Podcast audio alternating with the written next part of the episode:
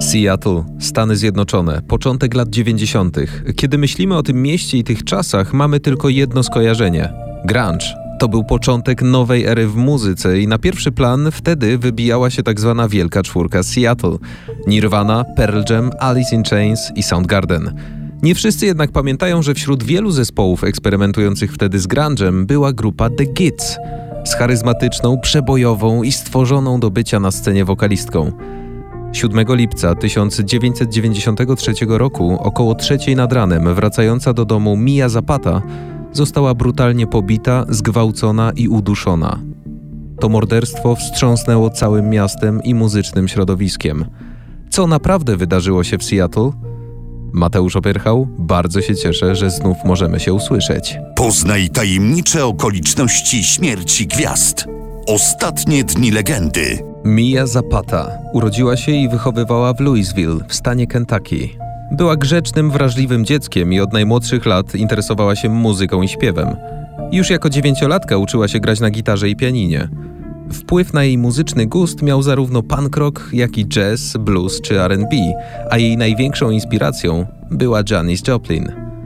W 1984 roku wyprowadziła się z rodzinnego miasta na studia w Yellow Springs. To tu, dwa lata później, założyła punk rockowy zespół The Gits. W skład kapeli wchodzili gitarzysta Andrew Joe Splin Kessler, perkusista Steve Moriarty i basista Matt Dresdner.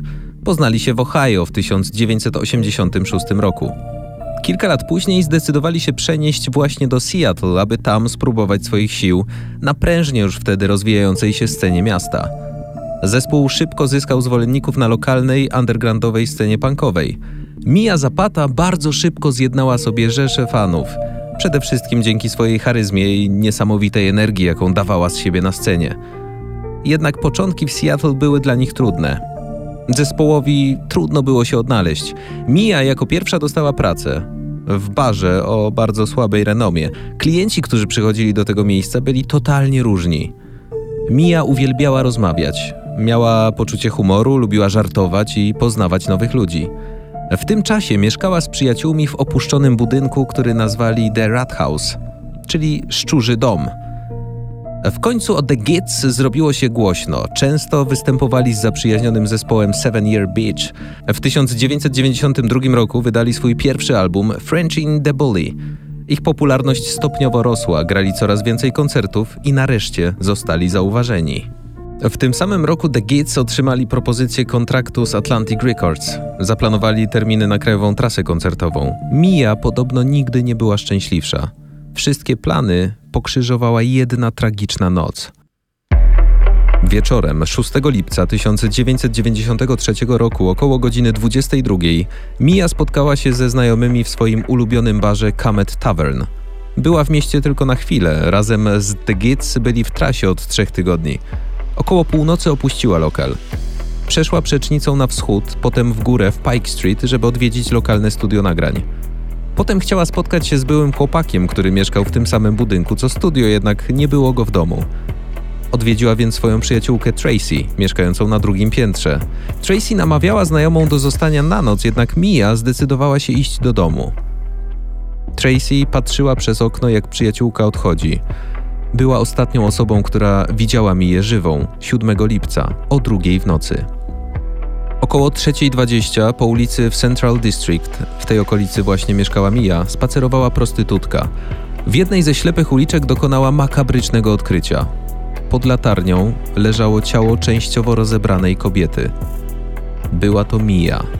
Miała 27 lat. To było mniej więcej dwie mile od studia i około trzech mil od ulicy, gdzie pewien mężczyzna usłyszał tej nocy krzyk.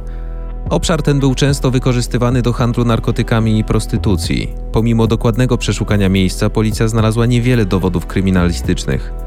Detektyw Tom Pike z policji w Seattle zauważył, że śledztwo w sprawie morderstwa Mii było szczególnie trudne, ponieważ nie wiedzieli, gdzie faktycznie doszło do morderstwa.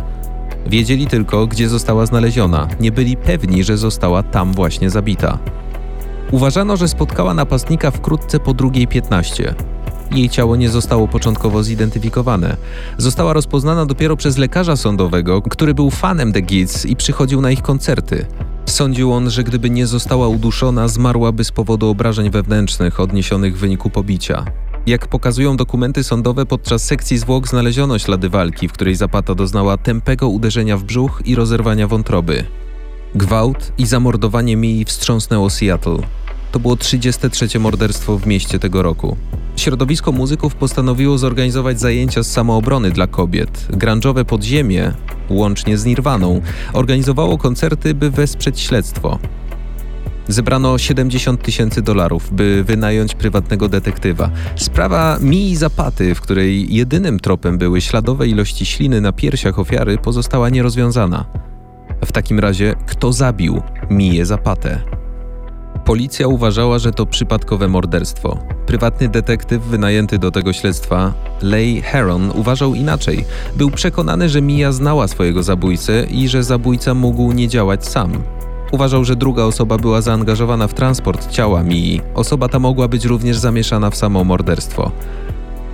Opierał to na fakcie, że ciało Mii zostało znalezione z rozłożonymi rękami i skrzyżowanymi nogami, jakby dwie osoby niosły ją i położyły. Została również pobita w trakcie ataku, ale jej twarz nie została dotknięta. Lej uważał, że jest to modus operandi kogoś, kto zna swoją ofiarę i nie chce atakować jej twarzy, ale atakuje ciało. Pierwszy scenariusz, jaki policja i detektyw wzięli pod uwagę, to taki, że Mia mogła zostać zamordowana przez taksówkarza.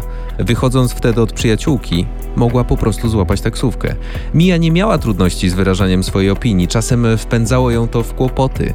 Lej spekulował, że mogła powiedzieć coś taksówkarzowi, coś, co sprawiło, że zwyczajnie się rozzłościł. Jak się później okazało, w wyniku śledztwa żaden taksówkarz nie zgłosił, że zabrał Miję tej nocy. Mniej więcej w tym samym czasie bary zamykały się, a przyjaciele już dawno odjechali taksówkami do domu. Detektyw brał pod uwagę jeszcze jeden scenariusz. Być może Mia nigdy nie opuściła budynku, w którym była widziana po raz ostatni. Następnego dnia jeden z jej przyjaciół wpadł do tamtejszego studia i odkrył taśmę demo The Gits i prywatny mikrofon Mii. Według detektywa Mia cały czas nosiła te przedmioty przy sobie. Nie wiadomo, czy zostawiła je tam po próbie zespołu tej nocy, czy też została zaatakowana, gdy wróciła do studia po wizycie u koleżanki. Były chłopak Mii, Robert, był przesłuchiwany jako możliwy podejrzany. Była zdenerwowana ich rozstaniem i rzekomo stwierdziła, że chce go znaleźć w nocy, kiedy właśnie została zabita. Współpracował jednak z policją, twierdził, że tej nocy był z przyjaciółmi i inną kobietą. Jego alibi zostało potwierdzone i został wykluczony. Przełom w sprawie nastąpił dopiero 8 lat później. W 2001 roku wykonano test PCR na wymazie śliny pobranym ze śladu ugryzienia na ciele Mii. W rezultacie ze śliny wyekstrahowano męski profil DNA. Profil został następnie umieszczony w krajowej bazie danych DNA. Początkowo nie było zgodnych z nim wyników. W grudniu 2002 roku, prawie 10 lat po jej morderstwie, profil dopasowano do 48-letniego rybaka Jesusa Meskii. 10 stycznia 2003 roku Meskia został aresztowany w swoim domu w Maraton na Florydzie i oskarżony o morderstwo Mii. Pochodził z Kuby, ale został wyrzucony z kraju w roku 80 wraz z wieloma innymi, ponieważ był przestępcą. Był wcześniej aresztowany i skazany w Stanach Zjednoczonych za napaść na tle seksualnym, porwanie, obnażenie, pobicie, napaść i rozbój. Miał również długą historię przemocy fizycznej wobec kobiet, w tym swojej żony. Śledczy początkowo nie wierzyli, że Meskia znał Miję. Jednak dowiedzieli się, że przeniósł się do Seattle w roku 92. W chwili jej morderstwa mieszkał zaledwie trzy przecznice od miejsca, w którym znaleziono jej ciało. Dowiedzieli się również, że próbował porwać młodą kobietę w pobliżu miejsca, w którym znaleziono ciało Mii, zaledwie pięć tygodni po morderstwie. Kobieta powiedziała, że szła ulicą, kiedy zauważyła, że jedzie za nią samochód. Kiedy kierowca podjechał do niej, próbował zwabić ją do samochodu. Zauważyła wtedy, że on się masturbuje. Zapisała tablicę rejestracyjną samochodu, który był zarejestrowany właśnie na Jesusa Mesquille. Przesłuchiwany przez policję Mesquilla zaprzeczył, że zabił Miję, jednak nie potrafił wyjaśnić, w jaki sposób jego DNA znalazło się na jej ciele. W marcu 2003 roku został wydany do Waszyngtonu, by stanąć przed sądem. Prokuratorzy uważają, że w noc morderstwa Mesquilla jeździł po Seattle, kiedy zobaczył Miję idącą samotnie. Uważają, że porwał ją i zabrał w opuszczone miejsce. Następnie zgwałcił, ugryzł, pobił i udusił. W końcu porzucił jej ciało na opustoszałej ulicy w pobliżu swojej rezydencji. 8 marca 2004 roku stanął przed sądem odpowiadając za morderstwo Mii. 24 marca, po kilku dniach narad, ława przysięgłych skazała go za morderstwo pierwszego stopnia. 30 kwietnia został skazany na 36 lat więzienia. W sierpniu 2005 roku wyrok skazujący został podtrzymany. Następnie w styczniu 2009 poprosił sędziego o przywrócenie pierwotnego wyroku. Wniosek został przyjęty. 21 stycznia 2021 roku Jesus Mesquia zmarł w szpitalu w hrabstwie Pierce w stanie Waszyngton. Miał 66 lat. Mia Zapata została pochowana na cmentarzu Cave Hill w swoim rodzinnym mieście Louisville. Do dziś jest inspiracją dla młodych wokalistek, a grupa The Gits zapisała się w historii grunge'u Seattle. Mateusz Opierchał, dzięki i do następnego.